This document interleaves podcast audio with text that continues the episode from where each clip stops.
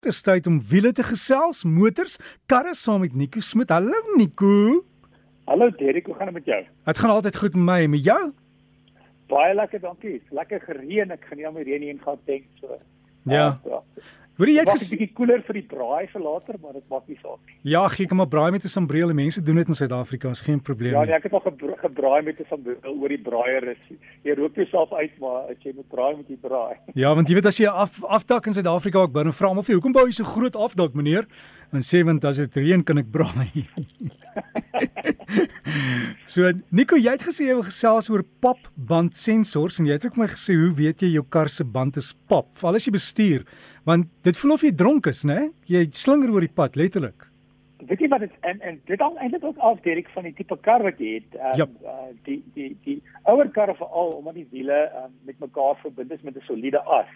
Ehm um, en miskien seker van die bakkies ook kan jy dit baie maal voel. So as die linker en regter wiele met mekaar verbind is met 'n as, sodra die een band pap is, dan affekteer dit die hele voertuig. So jy kan dit baie meer voel en die voertuig word baie meer uh onstabiel. Maar met meeste karre vandag, veral karre, nie nie bakkies nie, het het 'n uh, onafhanklike um, uh, onderstel of onafhanklike vere. Met ander woorde, uh geen van die wiele is met mekaar verbind nie. Dis nou meeste karre. Die ouer, die kleiner karretjies miskien nog die agterste askant verbind wees. Ehm um, maar dan wat gebeur is omdat die wiele so uh, die suspensie die onderstel die beweging so goed is, voel jy baie maal nie dat die band pap is nie. Jy jy kan ry dis uh, en dis 'n uh, gevaarlike ding byvoorbeeld selfs van van uh, paprybande. Ehm um, ehm um, uh, die die die feit is dat baie maal as die band pap en jy ry en jy kan dit voel nie as 'n voorbeeld um, so ek nog by BMW gewerk het as 'n instrukteur in die oggend het ons ons kar gekry vir die kursus en dan het jy ehm um, die band die kar die band die, die tank gaan volmaak en seker maak al die druk in die bande is reg. Ehm um, maar baie maal het ons nou die druk gekyk nie want ons het redelik baie die bande geruil en ek het een oggend in die voertuig geklim die BMW en dadelik het die liggie vir my gewys daar's 'n daar daar een van die bande spap. Ek het om die kar gestap en kon niks sien nie. Die die ek kon nêrens sien dat een van die bande pap is nie. So ek nie omdat die die paprybande natuurlik ondersteun die gewig van die voertuig. Ehm um, so ek het stadig volstasie toe gery by die volstasie het ek gewys my regter agterste band het die die meter het letterlik gewys 0. Daar was geen lig in die band nie maar die papryband het die kar en die voertuig ondersteun. So dit beteken met nuwe karre, um, selfs al is dit nie papryband nie, baie maal ry mense en hulle besef nie wat is pap nie want hulle be be beweeg byvoorbeeld nie, hulle bly net in een baan en ry redelik stadig maar geen aggressiewe stuurbewegings nie. So ehm um, daar's twee maniere van, van wat die voertuig dan gaan weet dat die band pap is. Die een manier is eintlik baie eenvoudig. Ehm um, en dit gebruik 'n wiel wielspoed sensor. So daar's geen sensor self vir die voertuig soos in die BMW wat ek gery het wat my gesê het wat die druk in die bande is. So al wat gebeur is, uh die voertuig het vier um, en aksie en enige kar vandag met sluitweer remme het 'n wielspoed sensor. So wat gebeur is daar's 'n wielspoed sensor by elke wiel. En dit vergelyk nou net die vier wiele met mekaar. En sodra band pap is, uh is die omtrek van die papband ander anders as die omtrek van die ander drie bande. Met ander woorde, sy rotasie, hoe vinnig hy beweeg is anders as die ander drie bande. En dis hoe die kar dan weet dat jou band pap is. So dis wat jy gewoonlik doen is wanneer jy lig in die bande sit dan dan dan sê vir die stelsel goed, goed, weet jy wat hierdie is die lig in die bande, maar ook hierdie is die rotasie wat elke band moet beweeg.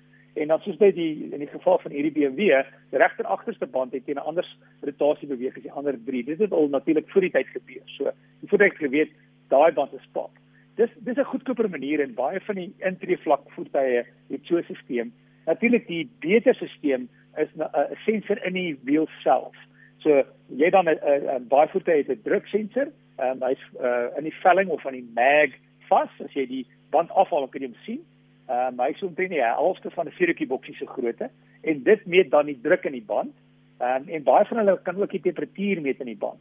Ehm um, so dis 'n natuurlik baie meer gesofistikeerd. Jy kan in die voertuig dan ook ehm um, as jy in die uh, voertuig kyk, sal jy sê, weet jy wat, dis die druk van elke band en dis die temperatuur van elke band. Ek het selfs vroeër al kar gesien wat selfs op die spaarband 'n druksensor het wat sê sê wat is die die druk en die temperatuur in die spaarband. Ehm um, en hoe weet jy dis maklik om te sien of wat is die verskil tussen die twee? As jy weet dat jy voertuig 'n stelsel het wat sê sê dat die band pap is, Ehm um, kyk na daai daai wieldop hier, daai rubber stukkie wat jy by die as jy die volstasie lig in die band sit. As dit rubber is, dan weet jy die voertuig gebruik 'n wielspoed sensor.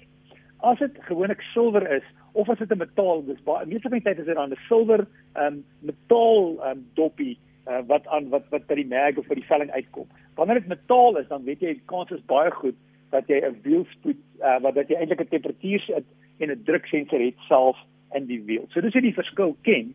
Ehm um, en dit is nogal 'n uh, stelsel wat ek wat ek gevind het kan partymal 'n bietjie frustrasie wees. Ehm uh, vir alles ehm um, ehm um, maar gaan nie ehm um, die die die sensor af en dan gaan jy na die volstasie dan dan lyk die druk dieselfde. Ek sal dit natuurlik nooit ignoreer nie. Ek sal maar altyd jy moet gemaak om te kyk. Die nuwe stelsels is is baie meer is baie beter en baie meer akkuraat. So daar's baie minder probleme met die stelsels. So dis nogal iets wat wat ek dink 'n oulike opsie is in baie karre. En dan net iets uh, anders wat ek vir jou wil vertel is in Amerika. Ehm um, soms altyd dink weet jy wat die Amerikaners se tegnologie voor en hulle regulasies is is baie goed, maar 'n reël wat in, ingestel is in 1967 uh, het gesê dat jou hoofligte ehm um, en jou uh, jou dimligte. So kom ons sê Engels praat ons van dims and brights. So jou jou jou ryligte en jou hoofligte moet twee verskillende ligte wees. En jy word nie toegelaat dat dit een stelsel is nie. En as gevolg van daai reël wat teruggaan na 1967 kan hulle nog steeds nie in Amerika 'n ligte hê uh, wat in Suid-Afrika praat ons van um, matrix tipe ligte of Engels praat ook baie maal van adaptive ligte. So as gevolg van daai reël kan hulle nog steeds in Amerika matrix tipe ligte hê nie want die reël sê weet jy wat is eintlik teen die wet van dat die matrix ligte het. So ligte wat ons in Suid-Afrika kan hê, ehm um, word nog nie toegelaat nie, maar ek sien nou ehm um, president Joe Biden het uh, maandag nuwe reëls in werking gestel, nuwe padreëls en ook die die die, die kom ons sê die die pad reggemaak dat ehm um, hulle binnekort in Amerika moontlik matrix ligte kan hê. So dis uh, baie maal uh, word reëls nou in, in in werking gestel en oor 20 of 30 jaar het dit eintlik 'n negatiewe effek wat daai tyd baie sin gemaak het. Hm. Wel dankie Nico, jy weet en ek kom gou die dae as jy 'n band gehad het wat pap was dat die mense buigry en jy gewaai het en dan baie maar vir hulle terug want jy dink hulle groet jou. en dan wys hulle na die wiel, jy weet. Deesdae moet jy net pas op, jy weet, dis ook 'n manier hoe hulle jou aftrek om die motor by jou te vat. So ry maar na 'n veilige plek as dit gebeur, né? Weet jy wat ek het al gesien, dis eintlik kom ons um, ek het al gesien mense jy by verkeerslig dan staan daar uh, sommer 'n man en hy wys so aggressief na jou voorwiel, jy so kyk daar of iets fout moenie daar uitklim nie. As iemand so wys en vir jou sê luister daar's 'n fout, ry eerder baie stadig tot by die naaste fulstasie of weg van verkeerslig en stop dan en kyk, maar moenie daar uitklim en kyk nie want baie maal wil net jou aandag kry en dit is eintlik 'n klop ons en so. Dit kan 'n moontlikheid wees, maar moenie daar stop en kyk nie. Ry eerder verder en gaan kyk. Jep, en wanneer jy wel jou motor se wiel moet vervang, dis hoekom jy jou kar 'n driehoekie het dat jy hom kan plaas in die pad om die mense te waarsku en jy moet weg van die pad af dit vervang, anders gaan die mense vir jou doodry. Dis reg en kyk ook waar dit dalk iets om te oefen as jy dit nog nooit gedoen het. Daar's gewoonlik merkies in die onderstel ehm um, presies waar jou domkrag moet wees. Ja en so, en en waar daai slotjie is wat op jou wiel pas om hom oop te sluit. Ehm um, ek lees die boekie langs die ja. pad in die donkerte. Dis gewoonlik wanneer jy dit nodig het. Dis reg. Weet jy wat? Kom ons praat volgende week bietjie oor al die geheime om jou kar se band te ry. Ek sal volgende bietjie daaroor gesels. Ons sê Nico lekker naweek vir jou hoor. Dankie jou Erik. Baie dankie. En dit dan Nico Smit met ons wiele bydra. Sterkte met jou wiele. Maak seker jou kar word gediens voor jy met vakansie weggaan. Ek hoop ons mag weggaan.